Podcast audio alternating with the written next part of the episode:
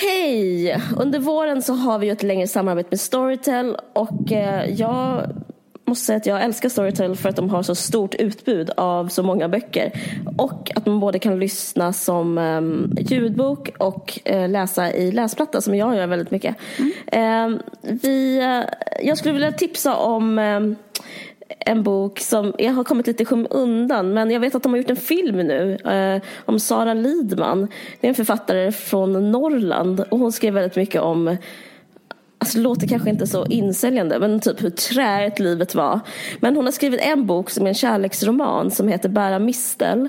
Och det handlar om typ en groupie. Det har tipsat om den här i den här podden innan tror jag. Det handlar om en groupie som är kär i en fiolspelare. Eh, eller violinist. Han, han är så folkmusiker. Och han behandlar henne som skit. Och sen kommer fram Nej, jag kan inte säga det för det är en spoiler. Men eh, ni tänker det, var kär i en musiker som behandlar en som skit, det är det det handlar om. Det är jätte, jättebra. Ehm, och eh, vi har ett erbjudande som ni kan få ta del av och det är så här.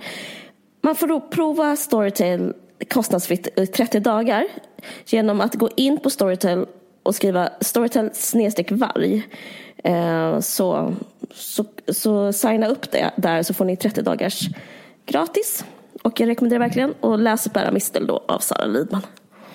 Tack så mycket Storytel.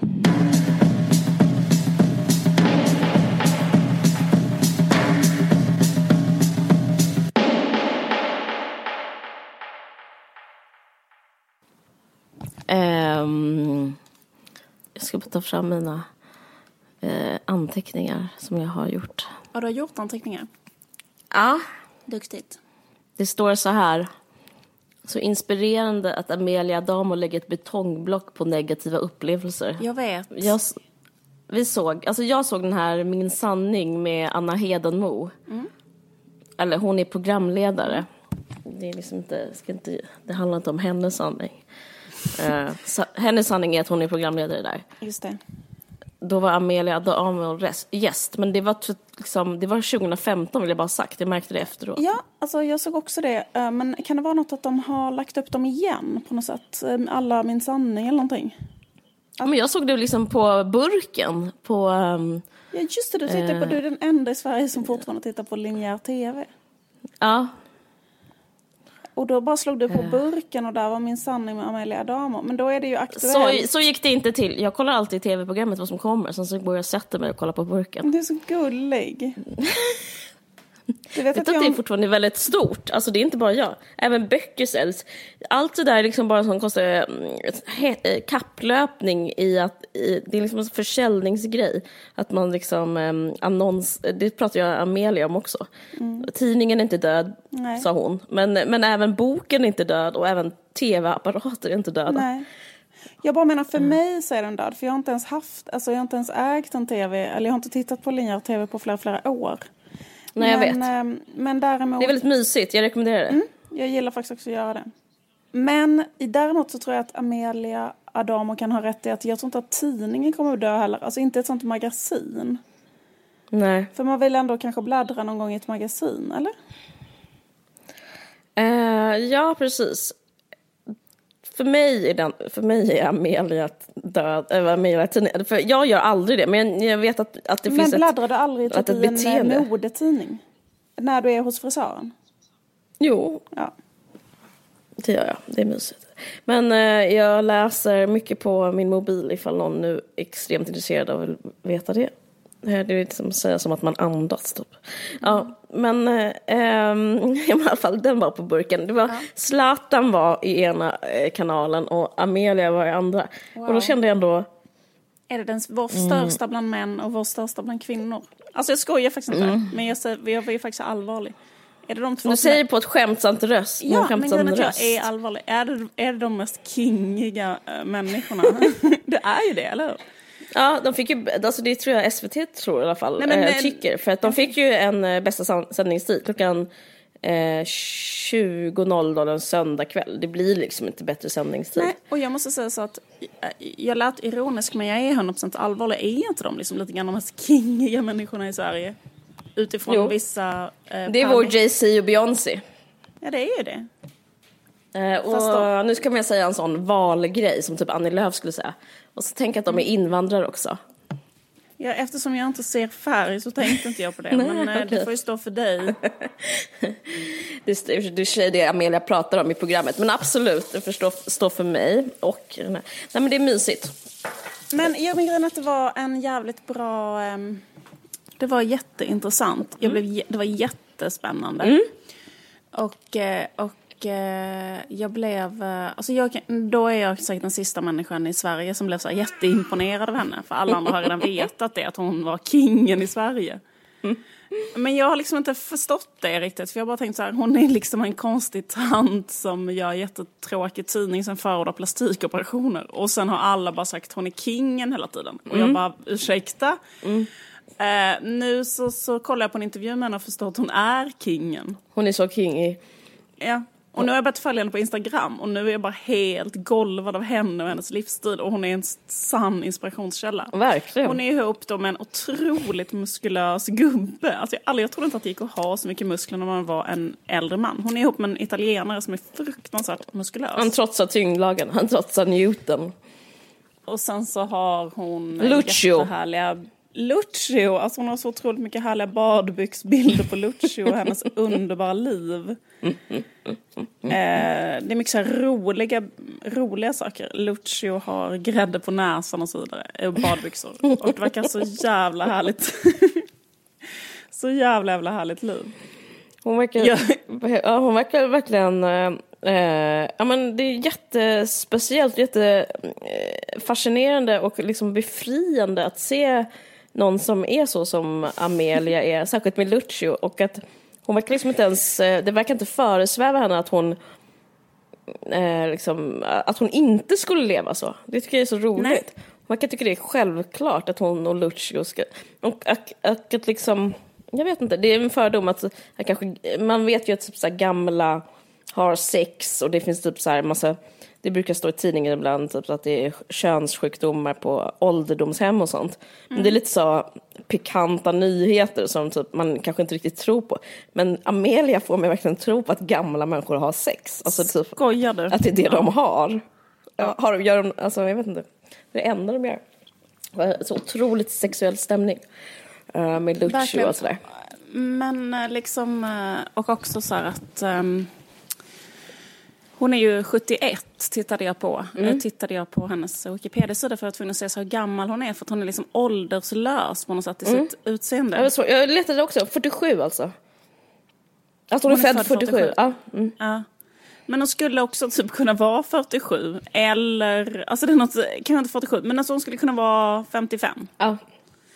Eller eh, liksom 80. Eller förstår det är bara svårt att placera tycker jag. Ja. Eh, Men verkligen.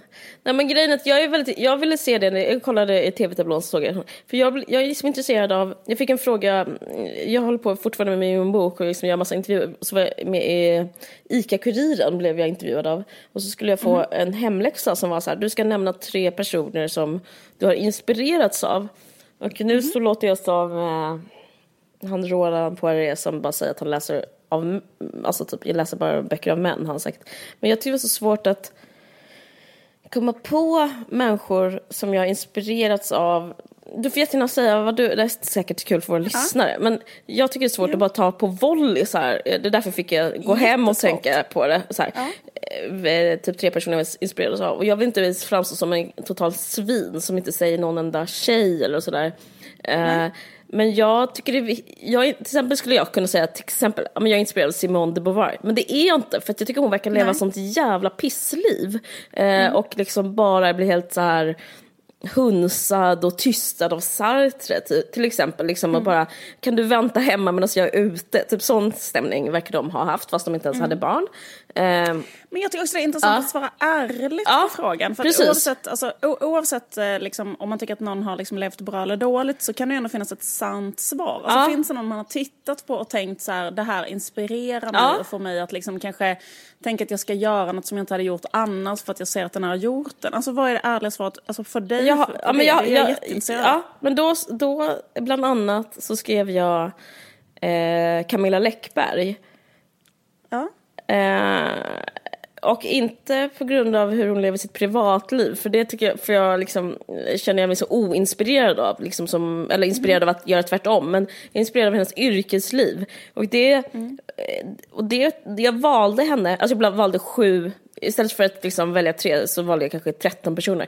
Eh, eh, men jag skrev även Selma Lagerlöf, jag återkommer till det. Men, men grejen är i alla fall, jag skrev Camilla Läckberg bland annat. Mm. För att hon eh, eh, är som en lyckad version av väldigt många misslyckade versioner, inte misslyckade men om man är författare och kvinna så är det typ som att man är fattig, och olycklig. Det är typ den bilden ja. som, eh, om man letar i historien, ja men till exempel, ja. Eh, vi tar Simone de Beauvoir bara för att liksom. Mm. Och jag letar efter jag känner inte något ansvar att jag ska vara en sån förebild för någon annan. Jag skiter i alla andra. Men jag vill ha en förebild eh, eller inspirationskälla som är mer typ ha, ha ett litet att allt är lite så nice, ja. att det blev bra. Uh, och det har så jävla rätt i. Alltså det är ja. jätteintressant för att jag menar Simone de Beauvoir uh, hade ju det också typ jättebra ja. jämfört med liksom um, den, den, generella, alltså ja. kvinnor i historien som har varit skrivande, det har ju varit verkligen människor, alltså man tänker på så här Victoria Ben, ja. liksom, man tänker bara på människor som har liksom Men som begår självmord, ja men precis. Ja. Ja, men Karin Boye, alltså, eller människor som har levt sådär väldigt så här ofullföljda liv, typ så kanske Emily Dickinson, suttit hela sitt liv uppe på någon vind och liksom, eh, du vet, alltså varit väldigt mm, såhär... Virginia eh, Woolf, liksom, alltså alla bara liksom ja, begår absolut. självmord, alla, ja. eller bara liksom o, det ogifta, olyckliga och eh, Precis. längtande och typ så här. Ja. Och sinnessjuka typ och blir liksom mm. eh, inskrivna på hispan. Men det har du verkligen rätt i. Är, är, är intressant. Men vänta, jag undrar om det fanns någon som hade det härligt. Jo, vänta, jag har kommit på en kvinna i historien som hade ett härligt författarliv. Eh, Madame de Stael, eller hur fan den uttalas. Ja. Hon är väl en sån person som var så här, hade typ salonger. Hon är så helt bortglömd. Men jag menar, hon var ändå en, eh, en litterär person i sin samtid som, som, som, som levde kanske ungefär som Läckberg gör nu fast eh, i, i, sin tid liksom. Ja, eh, Ja, det är möjligt. Nu tänker jag på... Okej, okay, det är möjligt. Jag får, jag får, jag får, jag får såna här sadomasochist-minnen, men det kanske inte är hon. Det är någon annan kanske. Jag tänker att hon, att hon var bara en sån människa som höll hov, hade skitmycket cash, mm. umgicks med alla. Ja, ja, ja. Liksom, eh, med, med liksom, eh, Just det, det är hon. Alla it-personer eh, liksom bara hade så här skitsnygga kläder, kanske var mm. liksom en inflytelserik person, alltså den grejen. Men, men skitsamma. Det um, annars är spaningen vattentät. Eh, ja men precis, men nej men det är liksom, det är inte så mycket som en spaning som ett riktigt, eh, som en riktig upp, eh, det hände i veckan liksom. Men därför känner jag att jag känner så direkt ett sug. Och det jag gillar med Läckberg är, mm. det var så roligt, såg på nyheterna att de här Panama-breven, att det finns en sån här känd författare som har alltså, placerat sina pengar på, vad fan, vad är det någonstans? Jag glömde. Ja. Jag vet, som, som har planterat sina pengar. Och då tänkte man direkt på henne. Då tänkte man så här, det är ju hon. Ja. Ah, nej det jag är vet. kanske inte hon. Nej jag det vet. Det är inte hon för att här, den här var en författare som har bott utomlands ja. många år. Precis, jag blir i alla fall glad att tanken mm. kunde gå till ja. henne. För det är ändå liksom, det är ändå lite goals att, så här, att hon blir, att, att vara den personen som är misstänkt att ha så mycket pengar så att man, man, man blir så här, börjar um, fuska liksom. Alltså det känns liksom som ett kul liv skulle jag säga. Och det är inte så kvinnligt förknippat. Och, eh, och om man, alltså jag tycker hon har, det finns något med att man börjar tänka på henne. Så jag valde hon, men eh, men jag vet inte. Och sen så, sen så såg jag Amelia Adamo och så tänkte jag, men hon har också de håller på med lite samma grej, att de liksom försöker pusha någonting som inte är så vanligt. Jag vet inte, jag kan inte sätta fingret på vad det är, men det är liksom rätt så intressant att lyssna på vad de har att säga om livet. Liksom, det är jätte, jätteintressant, men jag tror nästan att det är för att det är utanför ens egen um... Alltså det som gör att man själv blir så himla intrigued av att mm. lyssna på liksom till exempel hur Amelia Adamo ser på sitt liv. Mm. Eh, det är ju för att hon säger saker som Uh, och så, eller hur Camilla Läckberg lever sitt liv eller sånt där. Mm. Det är för att, men, men om vi tar Amelia Adamo, liksom att hon eh, hon säger saker och tänker på saker på sätt som är så himla, alltså totalt olika. Mm. Eh, hur man själv, alltså allting man ungefär har, eh, alltså därför att vi två mm. Är en bubbla eller en åsiktskorridor eller någonting eh, där till exempel man ser på ehm, Eh, liksom, eh, alltså det, för, för det första kanske att man då är vänster eller har varit så här vänster. Ja. Så att man tänker inte att eh, pengar och entreprenörskap och ett eget varumärke eller att det är viktigt att klättra överhuvudtaget. Alltså jag tänkte så här, en intressant grej med henne var att hon... Eller att, ha pengar att, som, eh, liksom, eh, vad det, som faktor överhuvudtaget. Exakt, precis. Att, att pengar är någonting som bara, alltså att det, är så fult och dåligt så det är Mm. så här bättre ju mindre man tänker på det och sådär. Så, så. Och sen en annan grej är ju kanske att man då har varit jätte jätte, jätte uppfostrad in i att psykologi är jätteviktigt och liksom att eh, bearbeta trauman är jätteviktigt. Så det som för, första, för det första är så här att vara fattig och bearbeta trauman ungefär. Man bara, Liksom. det är så Och- jag. Precis. Och, och sen också kanske det här att det är fel att, eh, fast det har inte vi haft så mycket, speciellt inte du. Att det är fel att bry sig om ytliga flärdfulla saker. Nej, tycker du att jag är ytlig eller vad vill du säga? Nej men jag menar du har inte haft så mycket skam eller dåliga känslor kring sånt. Nej, kanske alltså inte, du har inte varit sådär att eh, det är fel att ehm, lägga liksom pengar på en fin, eh, fint, fint klädesplagg. Nej, gud liksom. nej, gud nej, det är viktigt. Nej. Exakt, då tycker du så här, det är viktigt. Men, eh, men jag tror att det, liksom, eh, i alla fall jag långa perioder har levt mitt liv i- sådär liksom att, eh, att hålla på mycket med, med eh, Nej, nu ljuger jag. Men jag har umgåtts mycket med människor som har tyckt att det inte varit viktigt med utseende och sånt. Hur som helst, så jag har haft det mycket runt mig som en slags, eh, liksom, vad ska man säga, som en eh, så här, det, det här, det, liksom, liksom, för att leva ett lyckligt liv ungefär. Så så här, eh, pengar och karriär är inte viktigt, utan det viktiga liksom är att vara typ så här ungefär eh, en människa som, eh, som försöker eh, ändra de sakerna i samhället istället för att liksom själv klättra så ska man liksom vara en, en människa som försöker ändra så att det blir bättre för alla ungefär.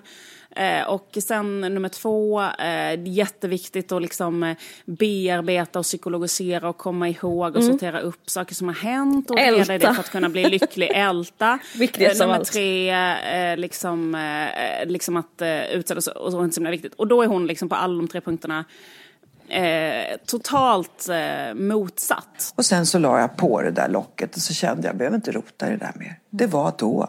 Det blev folk av mig. Det blev ganska bra människa av mig. Tala ut är också det tredje vi- viktigaste liksom.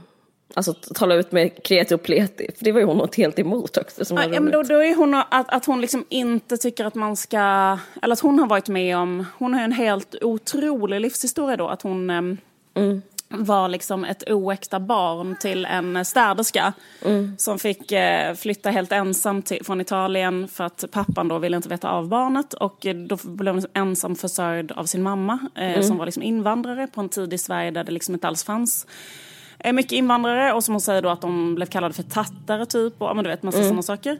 Och sen har den där ensamma städerskan eh, liksom uppfostrat henne själv tills hon blev sex år och då träffade den städerskan en annan man och då kunde, fick inte barn bo där för de hade ingen lägenhet. Eh, så de var inackorderade i ett rum och då fick hon bo hos katolska nunnor i, liksom, tills hon var 11 år. Och där blev hon jätte, jätte illa behandlad och utsatt för en massa liksom, Penalism rena och- övergrepp, penalism och, och så. Och inte fick träffa sin mamma då liksom. Och sen Helt efter det så fick hon, fick hon komma tillbaka till sin, och då kom hon tillbaka till sin mamma. Men då med en styvfar som hon eh, hatade och som var deprimerad och eh, ja. Ehm, Och sen skulle man kunna tänka sig då, vad hände med en sån person? Ja, naturligtvis att hon skulle ha gått ner sig och mått jättedåligt och haft trauman hela livet så. Men tvärtom så har hon då bara haft det asgött, eh, klättrat, haft liksom ett helt underbart liv. Jag tycker också så väldigt eh, positiva saker. Eh, att hon verkar ha valt lycka. Och det kanske man också har, kan komma av att ha haft det olyckligt. Att man tänker att livet är liksom för, eh, för kort för att eh, så här, hålla på. Till exempel hennes man dör eh, när hon har två, jag menar, tänk dig, hon har två barn, en är åtta och en är fem, ens man dör. Att liksom man skulle kunna tänka sig då att man bara totalt klappar ihop. Men då blir hon ihop med en annan man, bara tre månader efter flyttade in en annan man eh, liksom hemma hos dem. Och ehm, vad var det mer jag tänkte på som skulle kunna vara ett trauma? Att hennes pappa hör av sig när hon är 30. Och att hon inte förskjuter honom utan istället börjar, alltså, istället, han har varit frånvarande i 30 eller 35, 40 år, något sånt där. Och istället för, för, för liksom um, göra ett stort nummer av det så börjar hon bara ha kontakt med honom och träffa honom flera gånger om året. Det tycker jag också är så stort och typ ett helt liksom ett nytt sätt att se på typ trauman och liksom oförrätter. Men jag tänkte på en sak du sa som jag behöver bara säga. Jo, jag att, kommer precis, ja. att, att det finns liksom en sak du säger, för jag känner igen det där att så här, man är van vid att eh, inte tänka på pengar, inte på karriär, inte tänka på ut, ytligheter eh, och att det är det rätta att inte göra det. Och jag måste säga att på ett sätt tycker jag att det är det rätta att, göra, att vara så, att inte tänka på karriär och pengar utan att det finns viktiga saker, att alla människor ska ha lika mycket och eh, kämpa för att liksom, jämna ut orättvisor. Men det är liksom två, eh, det, det jag tycker är inspirerande är äh, frågan om just som du pratar om nu, om lycka. Vad gör en lycklig? Det är det som, Ja. det är det, det är det som liksom själva så här knäckfrågan. För jag har tänkt jättemycket på sista tiden soliga lilla jag har tänkt jättemycket så här på meningen med livet. Eh, För det är det jag Det skulle tror... inte som- Amelia Adam ha gjort kan jag säga. Nej, fast jag tror ändå liksom hon har ett recept för det. Eller liksom, för att en sak är typ att man känner att eh, det är rätt att jämna ut eh, vad man kan liksom, göra saker så att alla får det bättre. Men sen så för, en, e- för liksom, vad, hur, hur blir jag lycklig? Det är kanske det jag tänkt på. Jag har inte tänkt på meningen med livet. Jag har tänkt på så här, hur blir jag lycklig? För, att jag, jag tyckte, för mig har det varit väldigt så här stor omvälvande grej att ge ut den här boken. För den handlar väldigt mycket om så här smärt smärtsamhet, smärtsamma punkter i livet på något sätt. Så här, vad, alltså, det är så här meningen med livet, men också med liksom, det brutala i livet. Alltså, lite så, Amelia skulle kunna skriva samma bok, fast liksom, lite bara andra eh, anekdoter. Alltså att man är med om massa så här, skriver om massa så här otroligt smärtsamma saker. Eh, och jag tänkte så här, när jag får, jag får frågan från journalister hela tiden, jag var precis på en intervju så fick jag den samma, varför jag skriver. Och, då, och jag tror att det är för att liksom komma, man skriver om de här smärtsamma sakerna för, för liksom kunna få bli kvitt dem eller komma undan dem. Eh, och det har jag tänkt som ett recept, tror jag. Eh, Dels för liksom berätta berättelser är så jag liksom, eh, det är typ mitt yrke. Men en annan sak för att liksom komma komma över dem eller för, för, för att bli lycklig helt enkelt. Men grejen är det jag har märkt är att nu efter den här boken så är allting fortfarande kvar. Jag, har fortfarande smärta, jag känner fortfarande smärta. Det kanske låter naivt men jag hade någon slags förhoppning om att jag inte skulle göra det. Ehm, och därför blev jag så intresserad av så andra människors sätt att hantera smärta. För jag undrar hur man, alltså livets smärta, det är bara det att typ att en, ett barn kan dö eller att en bror kan dö eller att, en förälder, att föräldrarna skiljs. De här grejerna. Hur folk, eller som Amelias man dör eller att hon blir lämnad bort som eh, barn. Eh, och då tänkte jag så här, ja, men om man skriver om det, om man bearbetar det konstnärligt så försvinner det. Men det gör det inte kan jag berätta för alla. Men så hon har ett annat sätt och, och, och det är jag som är intresserad av. Och jag kanske ska prova det. Hon har ju det här betongblocket då som hon kallar det. Att hon lägger alla negativa upplevelser. Det här skrev även så här, Tina Nordström, den här tv-kocken, eh, blev intervjuad och sa också så här, jag brukar kapsla in allting i i burkar av mina negativa minnen. Eh, För hennes föräldrar var väldigt frånvarande under uppväxt, uppväxten. De var krögare och hade ett hotell typ och de var alltid ensamma. Och det tänker hon aldrig på. Så jag vet inte, jag bara tycker det är intressant att så här, okej men och, och Amelia verkar lycklig. Hon kanske har rätt, det kanske är helt fel typ att så här. Jag vet inte, jag bara tycker det är så... Eh, men jag vet, för det är också så Tänk här, om det är sådär liksom- liksom. Ja. Ja, precis. Det, det fast sen så...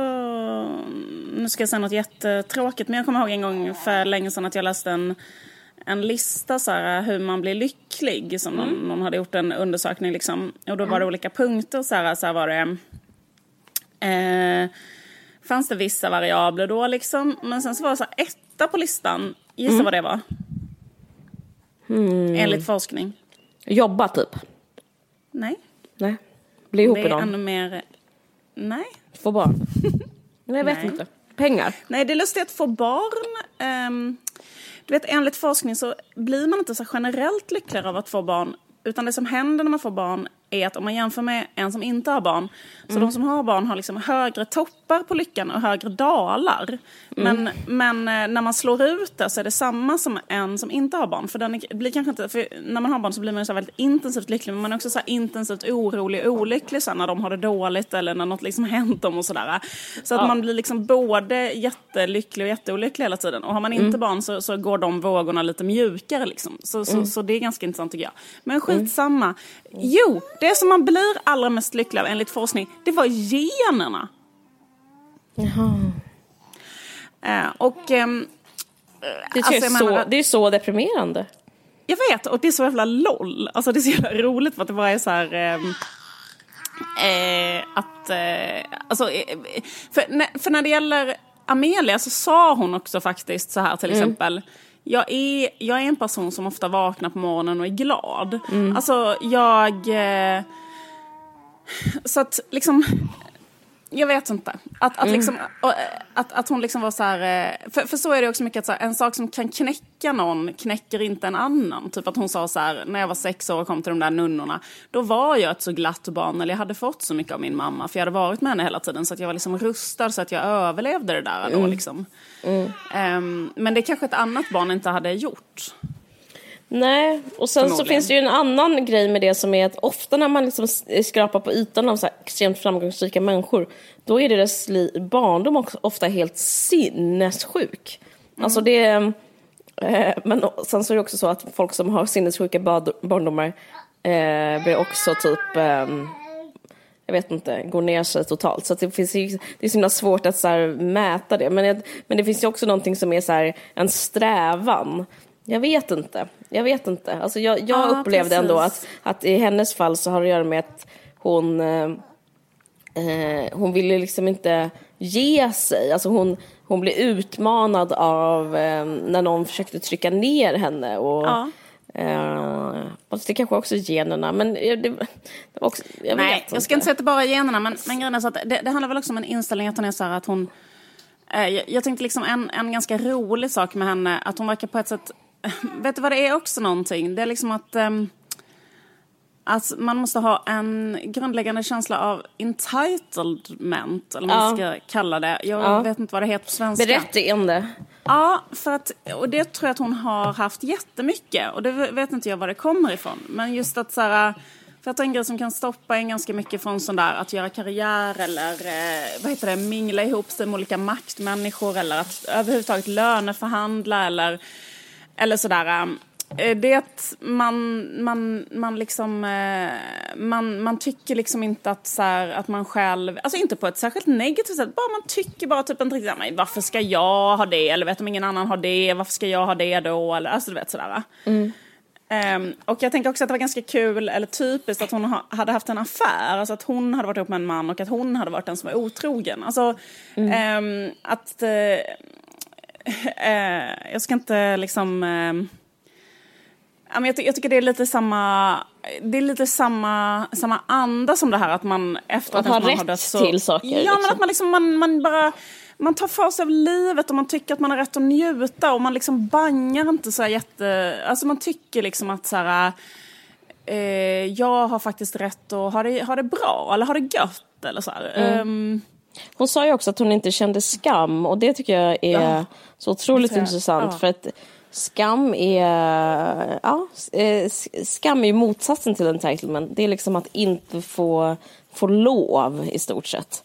Eh, och det tycker jag är intressant för det känns, jag vet inte om jag har rätt men det känns som att skam är något som så här, förknippas med kvinnor och flickor och alltså även pojkar och män känner ju skam. Men liksom det, är, det, det är ovanligt att se skamlösa kvinnor. Alltså jag, och jag tror både Läckberg och Amelia Damo har det gemensamt att det finns något så här Ja. skamlöst eh, Alltså på riktigt skamlöst. Inte bara så här, jag skiter i vad alla andra tycker utan de skiter på riktigt i vad alla andra tycker och det är inte alltid rätt liksom men det är, det, det är nog gött för dem så att säga. ja, absolut. Eh, det är väl speciellt. Eh, Det är jätte, jättespeciellt. Och sen finns det andra människor. Och, och, för det känns verkligen som det är sant det där att skam är på andra sidan linjen. Alltså man har en extrem linje där, där, där, där ena sidan är att, att man känner skam och den andra sidan är att man är lycklig och njuter av livet nästan hela tiden. För att det finns också människor som känner skam och skuld hela tiden av Mm. olika saker.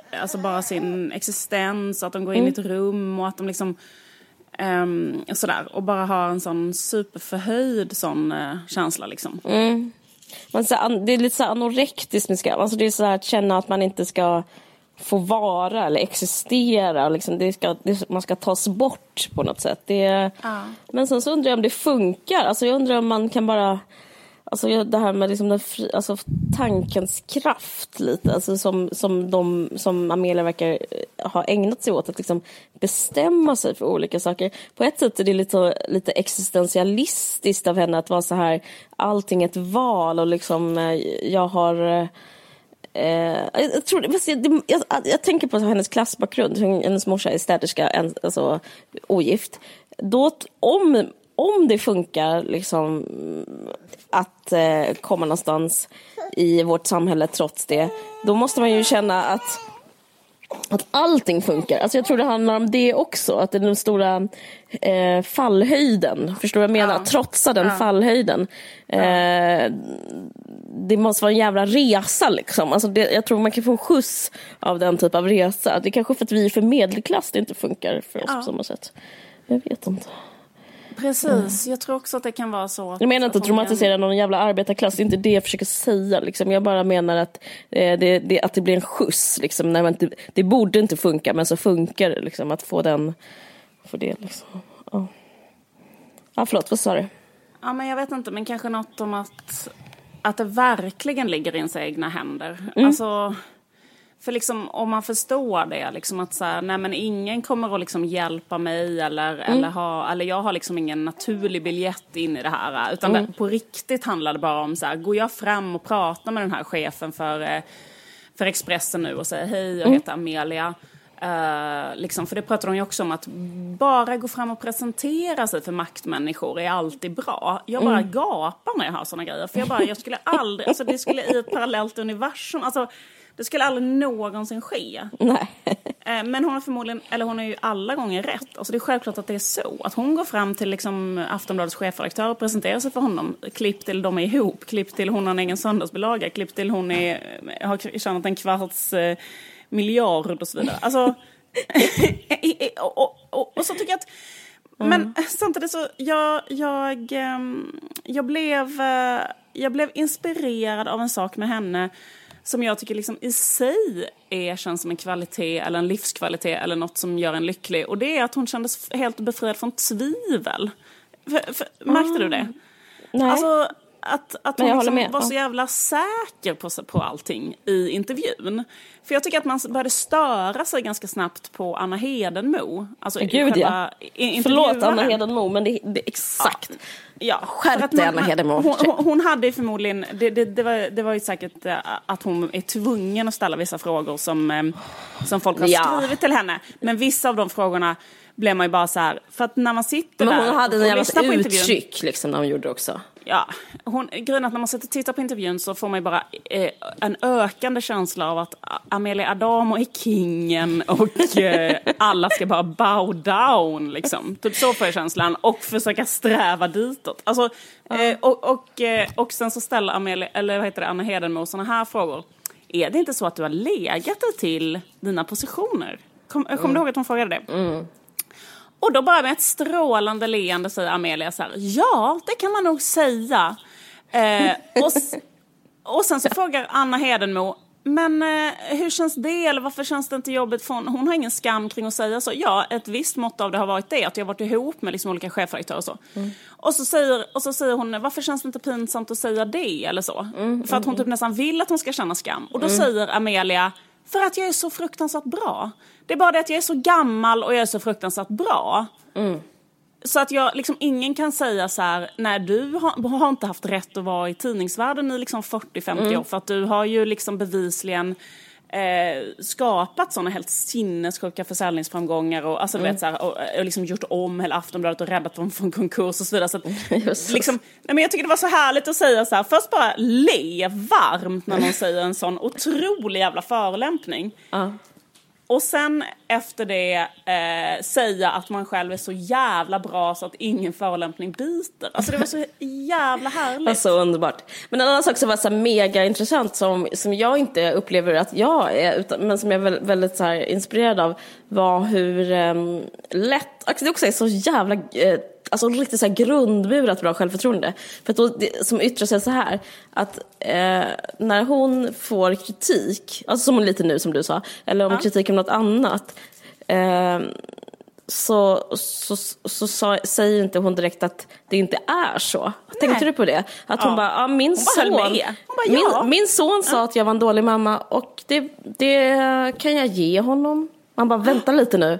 Vad är det som händer? Eh, för hela den här eh, retoriken som man får lära sig själv i terapi om så här, eh, hur man blir stark som människa är ju alltid så här, du har rätt, alla andra har fel, du har rätt. Och hon bara liksom vägrar gå in i den typ av um, jätte liksom, onyanserade sätt att se världen och vara så här, ja, och jag kan förstå att jag, jag var nog typ, det var jobbigt, det var nog också så här, jag, jag, jag sörjde nog för lite som de sa, typ. Som mamma sa, vadå, det var fel av mig. Och så massa saker. Och ändå liksom eh, kunna hålla ihop två, liksom, eh, hålla, kunna ändå vara så här, ja men eh, jag var bra på vissa sätt. Att kunna tycka det på riktigt, för annars det, det, det hör man väldigt sällan att någon typ är så generös med sina egna brister liksom. Eh, och så är absolut inte jag. Om någon säger att jag har gjort fel, då är det så här, ja men då kan han den, hälsa den att han kan brinna i eh, helvetet för evigt, nu fortsätter jag mitt liv.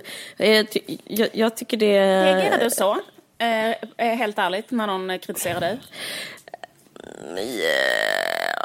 Ja, det beror på vem det är. Men jag, jag, jag måste nog säga att jag har för, um, för lite jag tendens. Jag tänker på recensioner nu och då tänker jag ja, det gör jag. Uh, men, uh, men inte i mina jag... nära relationer. Men liksom ändå. Liksom... För jag kan tänka ganska ofta att jag känner, kan ofta ha en tendens mm. att om någon säger någon kritik att jag börjar tänka direkt att den har rätt och sen mm. bara köper det rakt av. Och det är det... inte heller så bra. Alltså typ att man börjar tänka direkt så här, jo men så var det, det var sanningen om det här som hände, det var att den sa det. Och sen efter liksom något år ja. kan man komma på, ja men jag kanske kan få ha en alternativ bild av detta. Alltså, mm. Jag kanske kan få hålla fast vid att um, absolut, vet, att, absolut. Ja. det känner jag igen också. Men hur som helst så är det inte som att... Alltså jag kan känna så här eh, jättestarka känslor och liksom hata den personen. Eller som du, eh, det är de två. Eller så, så här, att den har rätt, jag hatar mig själv.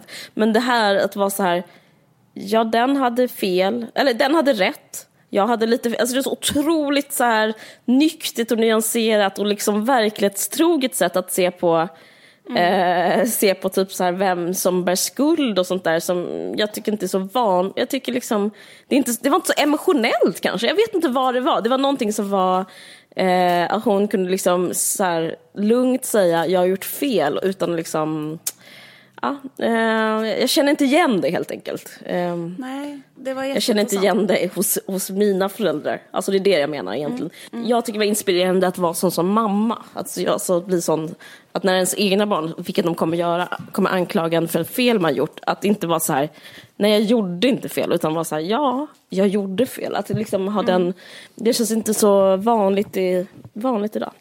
Eh. Nej, sen så ska jag säga, för grejen att jag såg henne i en intervju med eh, Malou.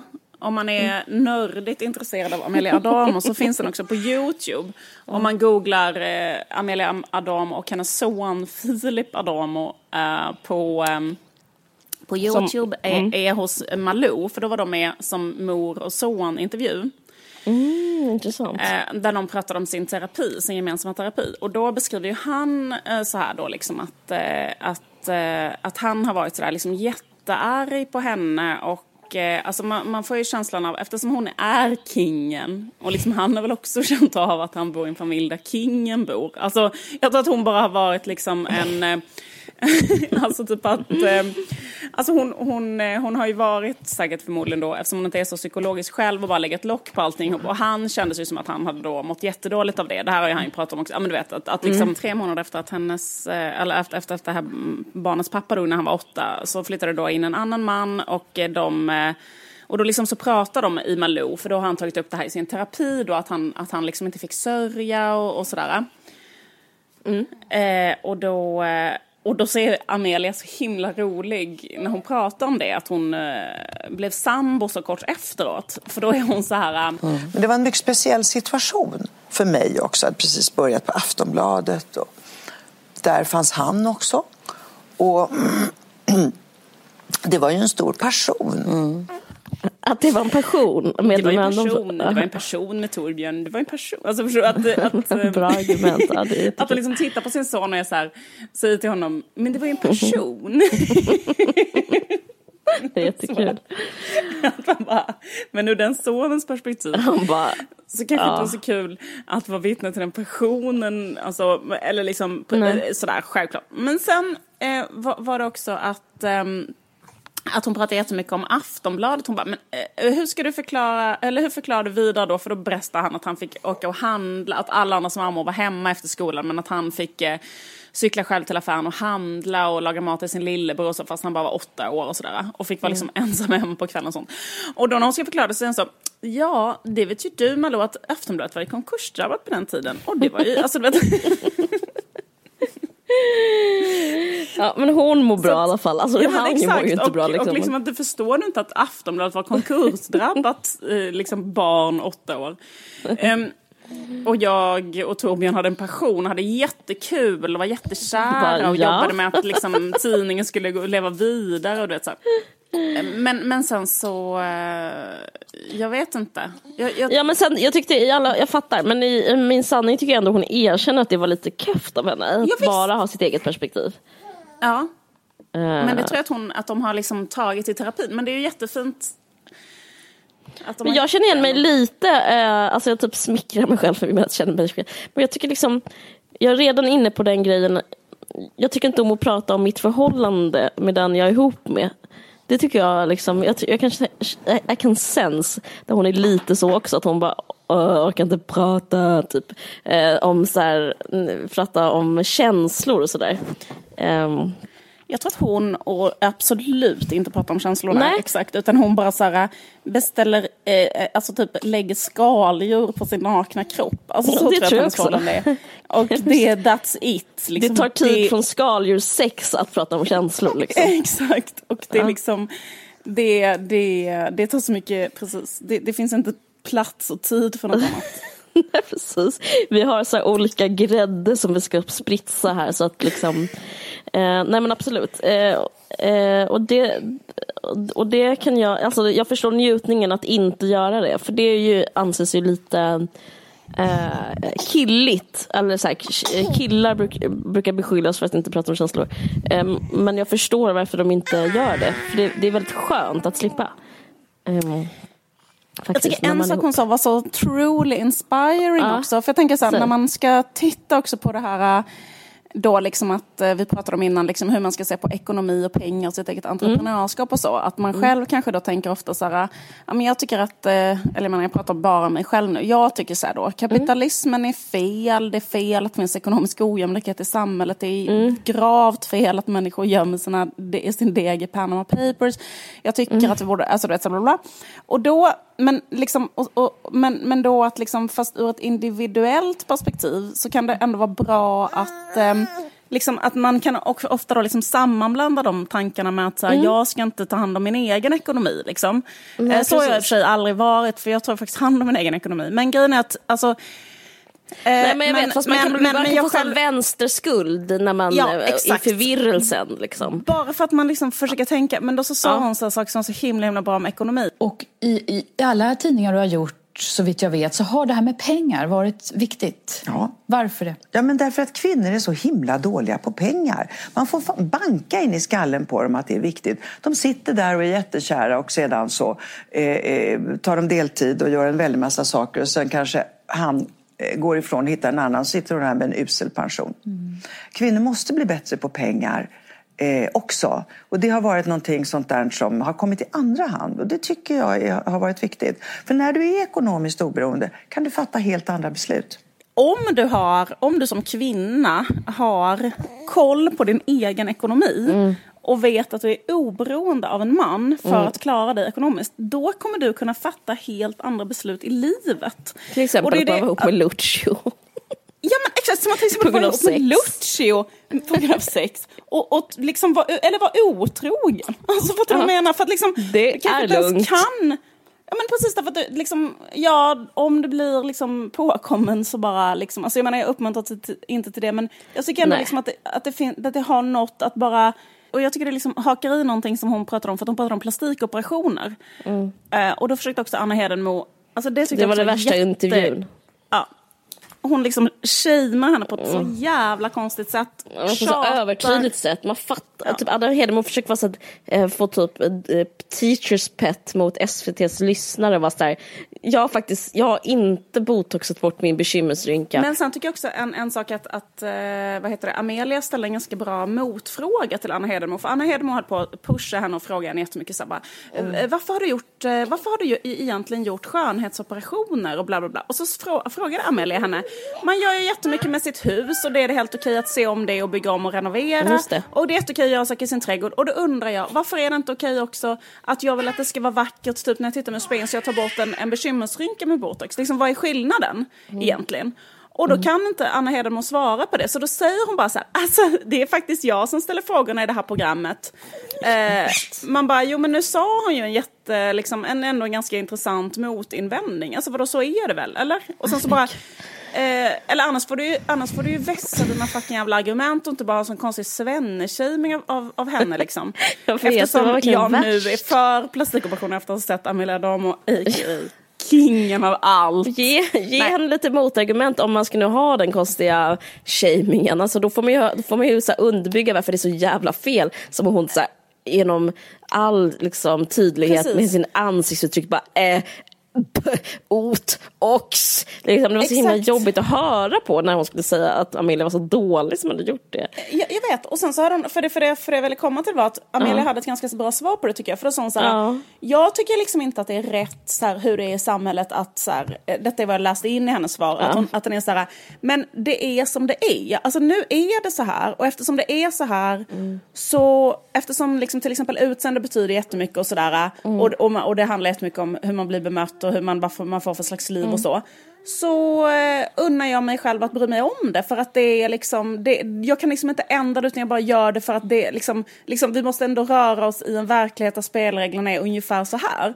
Och så tycker jag också att hon var när det gäller det där med pengar, att det är så här att man kanske kan ha en annan idé i, i liksom på ett globalt plan hur allting borde vara. Men liksom här och nu, hur du har det, så kanske det är bra att du kollar vilken jävla pension du ska få. Så att du inte måste bo med typ en man som behandlar dig dåligt för du har inga pengar när du är en gammal tant. Eller leva på kattmat typ. Alltså vilket är liksom, du vet, fakta för väldigt många kvinnor idag. Och, och, ehm, och, och det var liksom någonting i det som jag ändå tyckte var, alltså när jag pratar om vad som var inspirerande så tycker jag faktiskt ändå det var fan inspirerande. Jag tycker också det, men jag har en kritik mot henne som var faktiskt eh, eh, lite Anna Hedenmosk av mig. Men jag, men, eller, jag är också lite sur på Anna Hedenmo för att hon ställer liksom inga följdfrågor. Men det var det här med att eh, hon eh, blev professor på Göteborgs universitet. Eh, och då var det så här, och, eh, och då ville inga studenter gå på hennes lektioner eller hennes föreläsningar. De liksom protesterade för de liksom tyckte hon, henne, det hon stod för journalistiskt var bara ren dynga. Ja. F- för att hon eh, preserved liksom en konservativ eh, De värld. tyckte att hon eh, bevarade liksom stereotypa könsroller och sådär. Mm. Ja, och då tyckte jag... Där, då, Amelia kan inte vara perfekt. Hon, var, hon är perfekt mycket. Men då sa hon en sak som var rätt så dåligt tycker jag, som var så här, alltså lite oanalytisk, som var att eh, Ja, men det är, jag har inte konservativa köns, eh, liksom, sätt att se på kön eller på genus. Utan det är ju så att eh, kvinnor bryr sig mer om hur hennes, deras hår ser ut. Och män gör inte det. Det var så konstigt att hon inte fattar varför. Eller att, hon inte, liksom, eller att Anna Hedenmo inte sa så här, men kan det inte bero på Eh, typ könsroller eller liksom att män eh, liksom äger kvinnor och, eh, och alltså vad som helst, sexualisering av kvinnor. Men eh, det tyckte jag var helt så avstannat från båda parter i intervjun. Eh, och då kände jag lite, eh, negativ känsla inför Am Amelia. Ja men eh, alltså jag måste ju säga, så här, grundkänslan jag har, om inte alla fattar det, det är ju så här, jag skulle ju aldrig, jag skulle ju aldrig i hela mitt liv läsa en tidning som hon har gjort och jag tycker Nej. liksom att allting hon gör är alltså liksom jättedåligt. Alltså jag, tycker, alltså jag menar, fattar vad jag Ja. menar? Och jag tycker inte att, alltså så, eh, och, men det, det tänker jag är under, eller det tänker jag att man förstår. Typ så här, jag, jag tycker att all, liksom hela, all, liksom det enda de tidningarna handlar om är ju, alltså det handlar ju väldigt, väldigt mycket om eh, det som de kallar hälsa men som egentligen är bantning och eh, liksom... Alltså Jag så. vet. Eh, det är 90% det och sen 10% plastikoperationer typ. Och det är ju inte gött. Men jag, eh, och, och, och sådär. Men, men det jag menar att så här, det, det jag tänker att jag förstår, jag förstår vad det är hon har gjort i sitt liv. Och det Ja, ja, är att absolut. spela Eh, eh, liksom don't eh, hate the player, hate the game känner jag när det gäller henne. Ja men precis, men det förstår för att, jag att du menar och det för, menar jag också. Men jag hatar ju verkligen the game om man säger så. För att Ja, jag, men det- det är ju jag bara tror inte du behöver säga det. Nej, nej.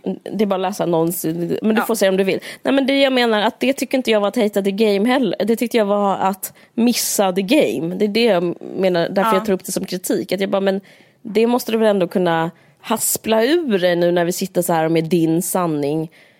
Eh, för det var som att, eh, det, att hon inte har en feministisk grundanalys.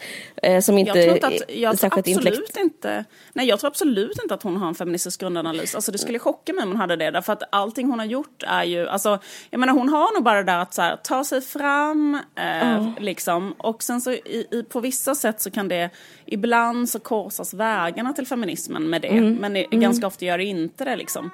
Eh, sådär. Nej men jag menar, det är ju inte avancerat att förstå. Nej, nej okej, kanske inte. Jag bara tänkte att jag trodde så här, ett tag verkar liksom, när hon svarade på andra frågor, som att hon hade en feministisk grundanalys, men hon förstod att göra pengar på, eh, att hon, men hon kapitaliserade på sexismen. För, hon liksom, för jag tycker det var intressant när den frågan som handlade om att eh, att det, att det är motsägelser. Att hela liksom, så att, eh, veckotidningsvärlden Mm. bygger på eh, att bygga upp kvinnan och riva ner kvinnan. Ja. Eh, och för det erkänner hon utan att liksom blinka. Det, det här med att Det först man säga så här. Vad sa du? Det, hette, det hade ju till och med ett namn. Ja. Det hette Den kommersiella paradoxen. Då sa hon Ja, direkt det, ja, precis. ja, det är den kommersiella paradoxen. Alltså Ja. att samtidigt som du säger du duger som du, Du är, så ska duger. du på nästa sida ha eh, så här kan du göra om eh, din mage typ. Precis. Ja, men då tänkte jag så här, men då vet ju hon vad hon... eh, Då vet ju hon om att det här är sexism och, det, hon vet hur man tjänar pengar på det. Men skitsamma. Eh, hon kanske inte behövde bry sig om, om det mer än så. Men eh, det, det, det var rätt så brutalt. Alltså jag tror det finns någonting som man kan... För det du har reagerade mot var att hon var, att hon var biologist. Alltså att hon sa att det finns i kvinnors DNA att göra sig vackra. Hon sa, sa hon det med DNA? Det kanske, ja. Ja, det Ja, nej, ja, det, jag, jag reagerade Men jag mot tror, att hon är, jag tror att hon kan vara det och ändå vara feminist. Alltså att hon är så här, kvinnor är så här och män är så här och det finns vårt DNA. Alltså så är ju väldigt många, tänker jag. Ja, okej. så. Ja, men det kanske, jag reagerar inte just mot när Jag men- menar att liksom inte hon kunde säga om någonting varför det var så. Att, det, att just det också handlar kanske med pengar, kapitalism och bla bla bla. Men skitsamma, jag, jag låter det gå. Men, men det finns, eh, jag vill bara säga liksom, så att, lite mer nyanserad bild av kingen. Amelia.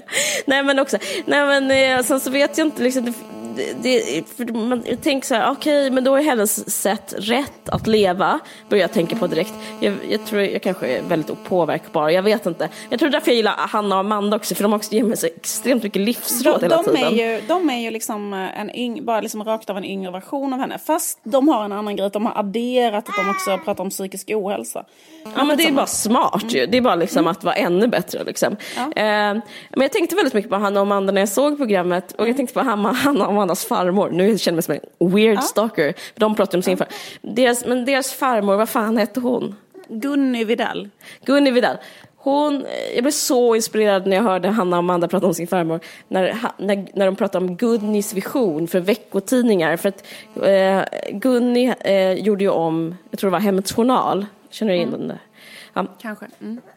Eh, och då, sa, då var receptet för det att kvinnor eh, förstår saker genom emotion. Och det sa ju Amelia också. Uh, ja, men, jag, jag bara, det, men det jag har, det är liksom, men ändå känner jag liksom en slags tveksam känsla inför när alltihop, när allt är klart. Och så när vi pratar om det nu så tänkte jag, det som är jobbigt med henne är också det som är bra med henne. Alltså jag tänker på det här med otrohet, för jag, jag började googla som besatt, som man gör efter man blir inspirerad. Och så fick jag läsa när hon var otrogen, alltså hon, hon är mycket så här, jag ångrar ingenting, jag ångrar inte att jag var otrogen. Jag menar inte att låta som en så viktoriansk moralist, men jag tycker det är någonting um, i brist på, alltså, det är något oempatiskt, som, alltså, det är någonting som jag inte får ihop med liksom, den perfekta människan är inte så oempatisk kan jag känna. Eh, förstår du vad jag menar? Det är, liksom, det här är inte, det är ingen bra jag, jag, jag, kan inte bara ta henne rakt av liksom. Eh, men jag tror hon mår bra av att tänka så. Mm. Förstår Alltså det är liksom alltså, två exakt, saker. Det som var inspirerande med att se henne, det var inte så här, eh, så här ska, ska alla leva och sådär. Men det var ju mer jag var så, ett tag var, jag, var det verkligen så, tänkte jag, men det, hon har hittat det. Men det, ja, jag vet inte. Alltså jag är allvarlig, jag tänker på riktigt så här om henne och om Läckberg. Alltså jag tänker på riktigt så här, har de hittat meningen med livet? Men eh, eh, alltså jag, jag, jag, jag tror att jag är i en sökande period just nu. Men får jag säga en, en faktor jag tror till varför de kan leva så? Mm. Som är jätte, jättestor. Pengar? Ja, det, eller vadå? Exakt, att man har så mycket pengar. Exakt, för att jag, en sak som händer när man får mycket pengar, det har faktiskt hänt med mig också. För jag har alltid varit så att jag har haft väldigt lite pengar. Sen så på senare år har mina böcker börjat ge intäkter så att jag har fått mer pengar än vad jag liksom har haft innan verkligen. Och mm. det här har jag pratat innan om i podden. Men det, om man ska vara helt ärlig med det, så det som händer när man får mer pengar, det är direkt att man börjar känna sig mer berättigad som människa överhuvudtaget till allting. Mm. Alltså, jag tror att det liksom är mycket, mycket lättare att bli en sån människa som är så här klar, alltså jag tycker liksom att... Um... Ja men det är just det du pratat om innan, typ så här, att du vägrar svara på sms typ, för att du är rik. Ja men eller? exakt. Men jag vet ja. inte om du såg vad jag skrev nu jag skulle till... Säga, åh, jag skulle precis säga det, jag, jag ville läsa upp vad du svarade i, vi har, eh, ska göra någon sån framträdande på Akademibokhandeln i Lund och så vill mm. min PR-människa på förlaget att du ska göra fler grejer. Då skriver mm. du en sån himla rolig grej. Uh, då så har vi en normal mejltråd, några stycken. Och då skriver Liv så här. Pontus, jag har tre barn, är föräldraledig och går vanligtvis inte upp ur sängen för under 20 000 spänn. Men jag kan göra en sak. jag skrattar Jag menar att det är så här jag va, va, det, skulle liksom, det är verkligen eh, det är rikt av dig. Alltså, det är verkligen så att du, du riskerar ingenting. Liksom, för att, um, alltså, man märker att du inte uh, behöver liksom, uh, gå efter småslantarna när du svarar sådär. Ja, men jag blir så fruktansvärt irriterad om någon säger så här till mig. Men jag har sagt så här, jag vill göra en grej. Så frågar någon mig, vill du göra tio grejer? Så vill jag bara förklara så här, lyssna nu. Liksom, det är inte där vi är, att jag ska göra tio grejer. Utan där vi är, är att liksom... Jag går inte upp ur eh, sängen för under 20 000 spänn, smiley. Vanligtvis, nu gör jag ett undantag för din skull. Det är, där vi, det är det här vi är när vi pratar. Jag vill bara liksom att det ska vara så från början. Det är jättekul. Men, ja, men precis, men det är ju inte så jävla sympatiskt. Men vad menar att jag tror att man har lättare, eller man, no. Eller, det är sjukt att det är sympatiskt, det är skitmysigt. Det blir så god stämning i tråden sen. Nu har han svarat haha och sådär. Ja.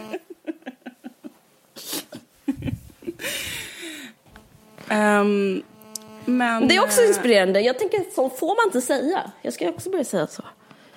Men jag, jag, jag tycker att hon har ju så jävla rätt när hon säger så här. Ah. Det är det jag menar med det här truly inspiring. Jag tror ah. nästan bara det där med ekonomin är det enda som är så riktigt inspirerande. För att hon säger ah. liksom så här, hon bara, vad fan är det för fel på kvinnor som verkligen inte tänker på, på alltså att man, att man bara liksom, he, och, jag räknar in dig och mig i detta. Liksom det med att man då inte alls tänker på sin ekonomi och sen slutar det med att man blir en jättefattig gammal tant och då om ens typ kille lämnar, vad fan ska man göra då? Det är liksom den situationen som eh, hon bara tänker, eh, liksom, det är ju där hon har verkligen rätt när hon tänker mm. att man måste det tänka där. mer på det. det. Ja, mm. det gör jag håller med. Det.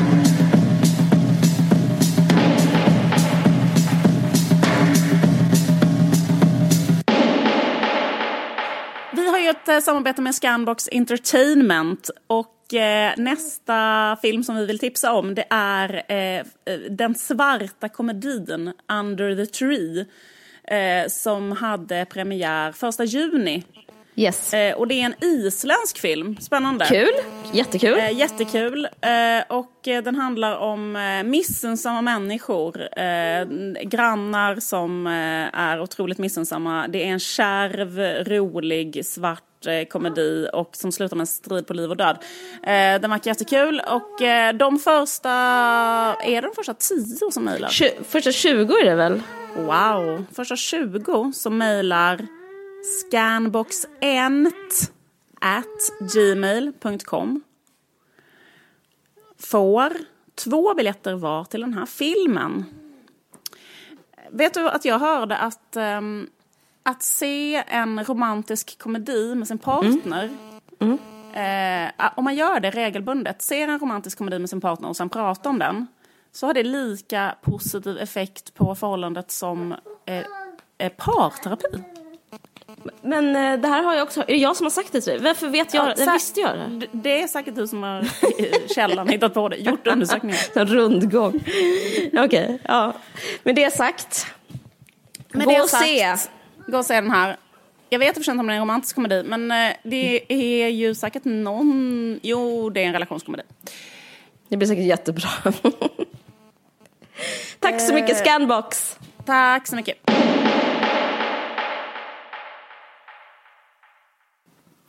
Okej, men eh, då säger jag adjö till dig. Ja, vi har bara har vi ett avsnitt kvar innan vi tar sommarlov, eller? Mm. Okej, kul. Vi har ett avsnitt kvar. Ehm, ha det så gött. Puss och kram. Hej då. Hej då.